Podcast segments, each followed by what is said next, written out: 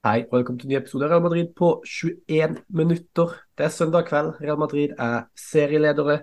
Og eh, om bare noen timer så har de mulighet til å ta videre steg vekk fra uh, Atletico Madrid og Barcelona på tabellen, som faktisk møter hverandre uh, i kveld. Real Madrid slo Granada 2-0 på, på, Santiago Bernabeu etter skåringer av, av, Brahim Diaz og Rodrigo. Og Derfor så er de altså på toppen av La Liga-tabellen. Med meg til å diskutere denne kampen i dag har jeg Martin. Hei. Hola. Og det er en ganske spesiell anledning at du er her i dag, siden uh, Ikke at det er uvanlig nødvendigvis, men siden du faktisk var på kampen i går. Stemmer. Uh, og så Real Madrid stå uh, Granada på Santiago Bernabeu. Så jeg hadde bare lyst til å starte litt med, å spørre om hvordan opplevelsen var. hvordan det var å se Jude Bellingham spille fotball på, på Santiago Bernabeu. Hvordan var Eh, stemninga, og, og, hvordan ser stadion ut? Det begynner jo virkelig å nærme seg nå, så, så hvordan var hele opplevelsen?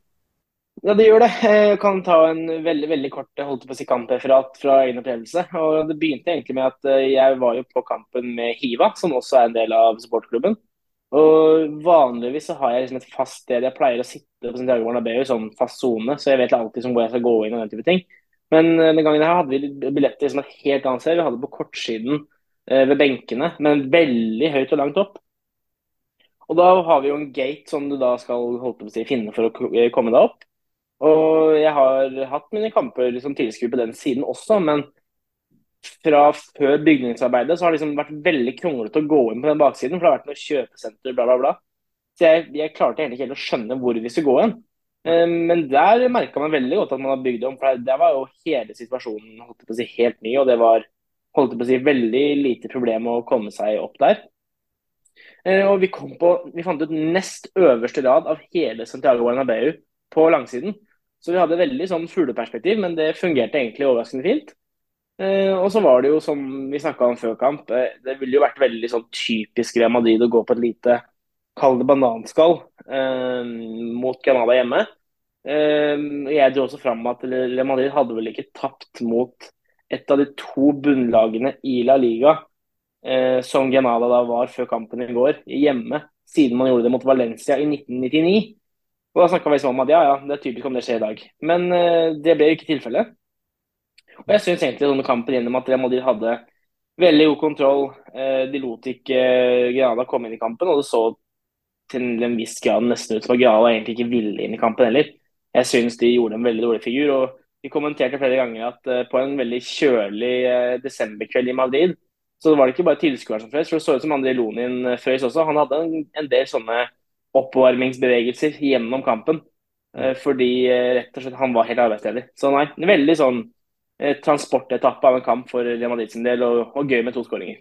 Absolutt. Og en veldig viktig seier å ta spesielt i denne runda her. For som jeg nevnte, så møter jo Eh, Atletico Madrid og Barcelona hverandre i eh, senere i kveld. Og Det gjør jo at Real Madrid har muligheten til å, til å skape enda større distanse mellom seg selv og, og, de to lagene. Og så er det jo mulig at vi er litt sånn urettferdige med Girona her, som jo faktisk har akkurat like mange poeng som Real Madrid etter 15 kamper. Men i mitt hode og etter min mening så er det jo Atletico Madrid og Barcelona som kommer til å være der mot slutten av sesongen. og Derfor er jeg mer opptatt av de da enn det jeg nødvendigvis er av av Girona. Selv om det kanskje er litt urettferdig. Men iallfall, altså Bare ta det først, da. Denne tabellsituasjonen til Real Madrid nå med denne seieren. Real Madrid på 38 poeng. Eh, Barcelona og Atletico Madrid begge to med 31 poeng. Og syns du jeg overdriver hvis jeg, jeg sier at uh, denne kampen i kveld mellom Barcelona og Atletico Madrid kan være med, eller kan avgjøre La Liga eh, allerede i, i starten av desember? Ja, jeg, jeg syns vel egentlig det er en overdrivelse. Veldig mye fordi at eh, Syria Madrid har gjort en veldig god høst nå. Eh, men i veldig mange år så har liksom Madrid eh, vakla skikkelig på høsten, og så har man skikkelig fått fart på lokomotivet utpå vårparten. Eh, og så har liksom det vært eh, avgjørende for at man da har vunnet eh, ligaen. Og jeg ville ikke blitt veldig overrasket hvis man ser en til lignende tendens da, fra særlig da Barcelona, som har slitt ganske mye på høsten, her, selv om de har fått med seg poeng stort sett. Eh, så jeg synes Det er tidlig å si, og det er nok litt fordi jeg er litt sånn notorisk pessimist. Men det er ingen tvil at for Real Madrid sin del så er denne kampen i kveld en nøkkelkamp. og Ingen av oss Kristian, har jo opplevd en serie der Real Madrid virkelig hekter av all motstand. Eh, så skal man ikke si at det tyder på at det kanskje skjer i år, men det hadde jo vært veldig veldig gøy. Og så snakkes det fortsatt ikke nok om i holdt på å si, andre kanaler enn blant Real Madrid-fans hvilken imponerende prestasjon det er å få ut det, man, det Ancelotti får ut av det Real Madrid-laget her, når man ser på skadelista. Det må man alltid nevne, syns jeg. Mm. Ja, eh, ikke bare skadelista. altså Tenk at vi eh, satt her før sesongen og, og, Real Madrid sto uten en spiss. Man mista Karim Benzema. Mm. og eh, det, var helt, det, var jo helt krise. Eh, mista verdens beste spiss og erstatta han med, med Joselu. Uh, og vi, vi, var skeptiske. Uh, jeg er fortsatt usikker på om Real Madrid er gode nok til å kjempe i toppen av, altså blant de beste lagene i, i, Europa. Men det er ingen tvil om at det å etter 15 kamper stå med 12 seire, to uavgjorte tap, det er vanvittig imponerende. og Det er noe vi blir nødt til å ha en samtale om på, på et eller annet tidspunkt veldig snart. nemlig Ancelotti må jo ha mye av æren for dette. Han er tilpasningsdyktig. Og til og med nå, når han er halve laget ute med skade, så klarer han å tilpasse dette laget. Han klarer å bruke styrkene i laget til å finne et nytt system som likevel fungerer veldig, veldig bra. Og det er litt rart. Jeg hadde ikke sett for meg det før sesongen. Eh, det er veldig sjeldent jeg føler det sånn med Real Madrid. Men man bare vet at de kommer til å vinne når de spiller fotball. Det er en veldig, sånn rar, mm. Eh, veldig rar følelse. Uh, jeg, husker jeg hadde det eh, da i denne her, eh, første sesongen til Angelotti, da man var Champions League og La Liga. Jeg bare følte at dette kommer vi til å vinne. Vi kommer til å vinne denne kampen. Eh, og Den følelsen sitter man litt med nå. og Det er rart, det. Eh, når man er uten en spiss og halve laget er ute med skade, så, så, er det bare et eller annet med dette laget som det bare oser selvtillit. Eh, og det er en vanvittig styrke. Eh, og jeg tror jo det at hvis Real Madrid nå ser på denne tabellsituasjonen, så kommer de snart til å ta juleferie med en ganske god følelse eh, inn mot eh, nyåret. Så veldig, veldig enormt imponerende sesongstart av, av Real Madrid. Eh, de har heller ikke sluppet, de har sluppet inn ni mål i, i, La Liga, som også er færre av. Som man heller ikke skulle trodd. Når de mista Courtois og, og Militao, eh, to av de beste, de, viktigste defensive spillerne. Så ja, det er, det er, enormt. Og på et tidspunkt så må vi jo ta en, en samtale om, om Angelotti. Og det går jo en del rykter nå om at han er på vei til å, å bli tilbudt en ny kontrakt. Og ja, eh, det er jo vanskelig å være uenig i eh, akkurat det, da. Det, det, må jeg innrømme. Så kan vi ta den diskusjonen i en annen, annen pod, en litt sånn større pod om, om trenersituasjonen. Men Angelotti har definitivt lagt inn en god søknad så langt om, om om å fortsette å være Real Madrids trener også etter sommeren 2024. Det kan det ikke være noe tvil om. Absolutt. Men skal vi ta litt denne Vi kan jo ta kampen, da. Så nå har vi prata mye om litt større, større ting. Eh, Real Madrid eh, gikk inn til denne kampen med et, særlig et stort uh, spørsmålstegn. Og det var jo uh, nemlig da uh, Jude Bellingham. Han pådro seg en Det var vel en overtråkk i kampen mot Napoli på, på onsdag. Tydelig at han hadde smerter. og man vet jo, Alle som har trykka over i en eller annen form for, for, idrett, eller til og med bare i hverdagslivet, eh, vet jo det at en, en overtråkk eh, gjør ikke så veldig vondt når det skjer, men så gjør det veldig veldig vondt i dagene etterpå. Uh, når, når, musklene stivner og leddene stivner. Og Det virker jo som at det var det som skjedde med Jude Bellingham, var det ikke det? Han hadde fri fra trening på torsdag. Eh, Dukka opp på trening på fredag, men måtte gi seg nesten umiddelbart pga. smertene i, i ankelen. Eh, og Vi prata litt om det før på den. Det er veldig uvanlig at eh, en spiller ikke trener dagen før, eh, før kamp. Og så altså, i det hele tatt blir tatt ut i troppen. Det skjer nesten aldri. Så hva er dine tanker om det? Eh, det en, ankel, altså en overtråkk kan på en måte ikke bli verre, hvis det gir mening, eh, av, av, å spille. Men det er jo mer det Trengte man virkelig å hive Jude Bellingham inn i denne kampen her og spille 90 minutter når han ikke engang trente for fullt på, på fredag? Hva, hva tenker du om det? Jeg, jeg mener det er veldig spesielt. For som du sier, altså jeg kan ikke huske uh, sist gang en Real Madrid-spiller ikke var med og fullførte treninga dagen før kamp, og så starta uh, den kampen påfølgende dagen. Det er én ting. Og så at han da spiller 90. Jeg syns det er veldig spesielt. Og vi snakker liksom dette her nå, vi har snakka de store linjene med Angelotti i høsten, den type ting. Og vi snakka om seriegull. Altså, jeg husker veldig godt uh, Det var vel den, den påfølgende sesongen til Angelotti, 14-15-sesongen, hvor man var ekstremt gode på høsten. Og så datt man sammen som et korthus, uh, spesielt i januar og delvis februar, fordi man hadde drevet rovdrift på det laget. Og da roterte han ikke i det hele tatt. Det gjør han jo nå. Men en spiller som det jo ikke roteres med, er Jude Bellingham. Og Jeg klarer ikke helt å forstå uh, når den kampen til i går da, mot Granada, når den utvikler seg som den gjør. Uh, Granada har faktisk ingenting å by på. Uh, man, man, tar av Poselu, man tar av diverse spillere. Men Jude Bellingham blir værende og spille 90. Jeg syns det er veldig veldig spesielt.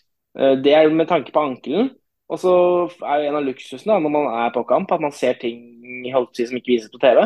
Jeg la veldig godt merke til at når spillerne da tar av seg og skal bytte drakt etter kamp, så var det en gigantisk svart ting på Bellingham, og så brukte jeg et par sekunder på sånn Hæ? Det ah. Og det var jo en sånn helt enorm sånn skulderbeskyttelse. Og jeg har jo lest noen artikler om at både Brahim Diaz og Jude Bellingham har jo nå slitt med noen vonde skuldre i løpet av høsten. Og det skal visstnok eksistere en ganske betydelig risiko for at den skaden kan slås opp igjen hvis de ikke blir operert. Så spørs det da om man velger å kjøre den risikoen gjennom hele sesongen. Det tyder jo på det. Men med sånn tilbakehode så klarer jeg ikke helt å forstå hvorfor man da, særlig med Jude Bellingham, velger å bruke han gjennom hele kampen, sånn som i går. Men uh, det er ikke alt man skal forstå heller. Nei, og så må det jo sies at han var jo vanvittig god i går. Uh, det er sant. Flest, flest nøkkelpasninger alle på banen. Uh, veldig nære uvanlig upresis foran mål, kanskje. Uh, hadde jo to mm. uh, veldig store sjanser til å uh, med ganske gode målskåringsposisjoner som han uh, bomma på. Den ene endte jo til slutt opp hos Rodrigo fra returen, så det ble en skåring likevel. Men den andre er sånn Litt utypisk han ikke skåre på den. og det er rett og slett det, Bare det at vi har altfor høye forventninger til hva en, hva en Jude Bellingham skal gjøre. For han er jo midtbanespiller og ikke en spiss. Men nok en fantastisk kamp av han, og sånn sett så kan man jo forsvare det med at han, han var god og, og fantastisk eh, viktig for den, den, seieren, men allikevel, som du sier, det hadde ikke vært nødvendig å spille han i, i denne kampen, og iallfall at han spiller 90, syns jeg er veldig, veldig veldig rart. Mm. Men eh, en annen spiller jeg har lyst til å prate litt om, det er eh, en midtbanespiller som alle som i hvert fall hører på denne podden jevnlig, vet at jeg er ganske fan av, nemlig Tony Cross. Uh, den første skåringa til Real Madrid i går var det Brahim Diaz som, som sto for, men den, var, den pasninga fra Tony Cross i forkant der, den er så magisk uh, og så utrolig at det, det, er ingen annen spiller i verden som kan spille den pasninga der enn Tony Cross. 11,5% av alle uh, touch på ballen i går eh, kom fra Tony Cross. Hvert tiende touch på ballen hadde Tony Cross i går. Eh, han hadde samtidig flest vellykka taklinger eh, og nest flest eh, eh, tilbakevinninger. Altså at han, han ballgjenvinninger. Hva er det den der mannen ikke kan eh, ikke kan gjøre. Hvor, altså, du, du, som var der, det, og alle som har vært på fotballkamp, de vet at det å se en, en fotballspiller på TV, det er imponerende. Men når du ser dem på ekte, det er da man ser hvor vanvittig gode de er. Så du som så uh, Tony Cross i uh, levende liv i går, hvordan var det? Nei, det er, uh, det er helt vilt hva den mannen bedriver. og igjen, noe vi endte opp å snakke, snakke om under kampen og også etter kampen. Det er jo at man bare må håpe at han blir værende. At han tar en sesong til. Fordi det nivået han har si, vist og, og opprettholdt da, uh, i enormt lang tid nå, det, det er mektig imponerende. Han, han, har som jeg snakka om før, tatt opp, han tok litt opp hansken da, når, eh, når Casemiro dro. og uh, viser i går at det, det er alle dimensjoner av spillet. og uh, igjen, Real Madrid maler på en måte litt sånn i stykker Granada i går. Og det er ekstremt mye takket være Tony Cross. Altså, han, han trekker i så mye tråder og og peker rundt. og altså, Det var som jeg sa til Hiva på tidspunktet i kampen i år. altså Jeg kunne betalt den inngangsbilletten bare for å stå og se på Kroos og langpasninger. Eh, for veldig mange ganger får vi en sånn der rett bak-vinkel som er så Det er så mektig imponerende å se på. Mm. Eh, sånn, altså, jeg kunne holdt på å si eh, tomsnakka ren holdt på å si, hyllest av Tony Cross i eh, en time, føler jeg. Fordi nei, han er uh, helt uavsindig god. Eh, både om nå om dagen og har vært det i en veldig veldig lang periode. Så nei, det er helt sykt. Helt sykt. Ja, ja virkelig. og det er jo Det var jo snakk om at han skulle legge opp allerede forrige sesong, og det er vel snakk om det samme denne sesongen. Men jeg håper virkelig at han, han tar det nå til, altså, for han er helt utrolig for, for en spiller han er. Eh, Brian Diaz sto for skåringa, som jeg sa. Eh, god kamp nok en gang fra han. Får jo eh, Han skriver jo ganske god søknad til å spille litt mer, da. Det er det ikke noe tvil om. Men eh, skal hoppe litt over han i dag og heller prate om eh, den andre målskåreren, nemlig Rodrigo. Og vi satt eh, Før podden her så, så, så vi litt på tallene og prøvde liksom samle tallene fra de siste kampene. Da sa jeg det at han har eh, syv mål og fire assist på de siste fem kampene sine for eh, Real Madrid. Som jo er vanvittig imponerende i seg sjøl. Og så har vi snakka en del om eh, den svake sesongstarten han har hatt, og at eh, vi er skuffa over at han ikke har klart å ta ansvar eh, når andre spillere har vært ute tidligere. Men nå er altså datoen 3.12. Eh, Real Madrid har spilt 15 kamper i La Liga og spilt 20 kamper totalt med, med Champions League. Hvis jeg, hvis, hadde, hvis jeg, hadde, sagt det før, før sesongen starta, at Rodrigo hadde stått med ni mål og fem assist i alle turneringer eh, i starten av desember, hva, hva, hadde du tenkt om det? Hadde du vært og det var skuffet, eller det er jeg egentlig ganske fornøyd med? Det har vært jeg holdt på å si, helt som forventa, og som vi holdt på å si krever. Ja. Det vil jeg absolutt si.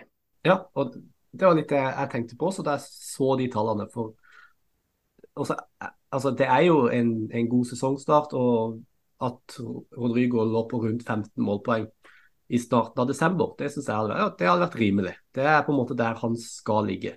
Og så er det jo litt i kontekst her da at av de eh, 14 målpoengene så har 11 kommet i de siste fem kampene. Men samtidig så har det kommet på et så riktig tidspunkt at det gjør på en måte ikke noe uh, for meg. Og uh, Vi prata mye om at uh, da Venicius ble skada, hvem kommer til, til, å ta ansvaret her? Hvem kommer til å stå frem og, og skåre målene for Real Madrid? Og Vi var usikre på om Rodrigo kunne gjøre det etter den sesongstarten han hadde, men han har virkelig snudd det rundt. og jeg synes at vi, Det er viktig å prate om det også. Han fikk veldig mye kritikk i den, den perioden i, i, starten av sesongen. og Vi prata mye om det i denne podkasten også, og diskuterte eh, hvorvidt det bare er dårlig form. Eh, veldig mange Real Madrid-sportere som snudde seg mot Rodrigo i den perioden. Og rett og slett bare konkluderte med at Rodrigo han er ikke god nok for, eh, for Real Madrid. Så jeg har bare lyst til å gi deg muligheten til å si hva var det vi sa. Eh, så du kan ta ordet her. Ja, jeg, jeg, er helt enig. Og jeg vil jo på en måte trekke fram litt den derre og det her er jo ikke si, egenskapen til fotballsupporter, og kanskje skal det ikke være det heller, men litt det med den nøkternheten, da. Mm. Fordi Rodrigo var ikke så dårlig som alle skulle ha det til eh, når han slet mye i september og, eh, og, oktober. Men han er heller ikke så god som mange skal ha det til akkurat nå. Det er liksom litt det greia med at av og til så bare løsner ting litt. At ting bare begynner å funke.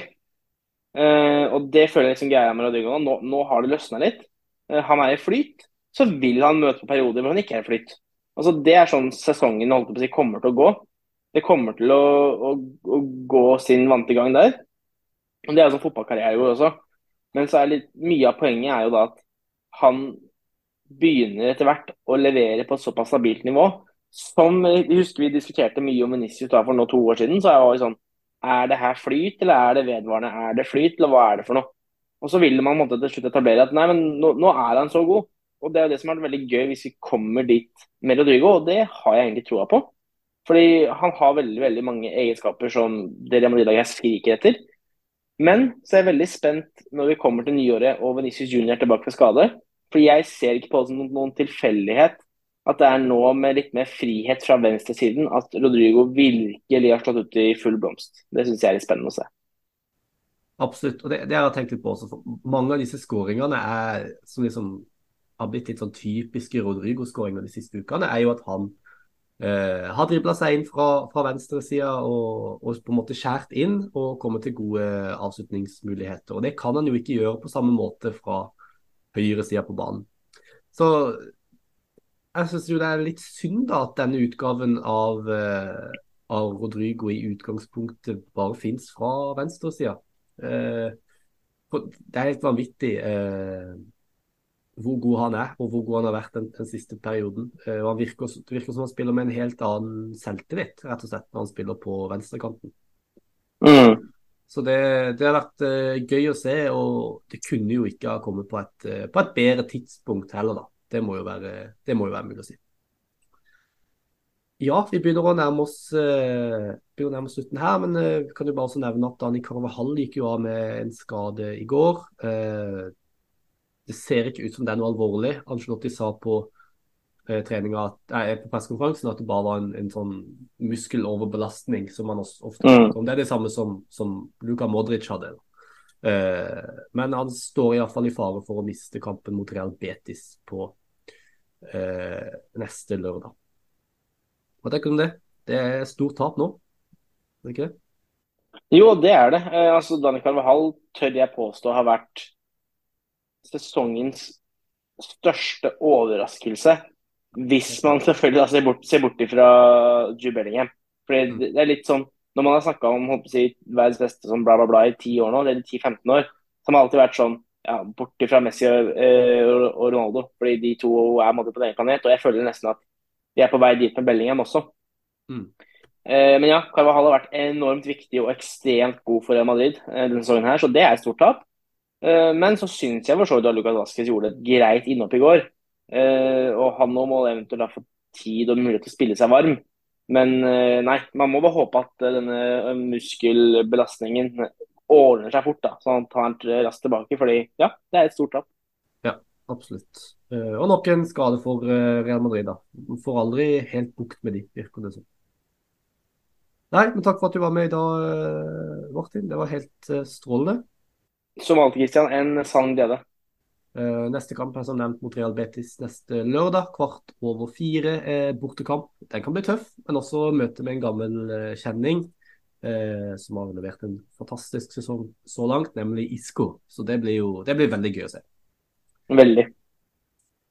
takk til alle som hørte på, og til neste gang, Ala Madrid.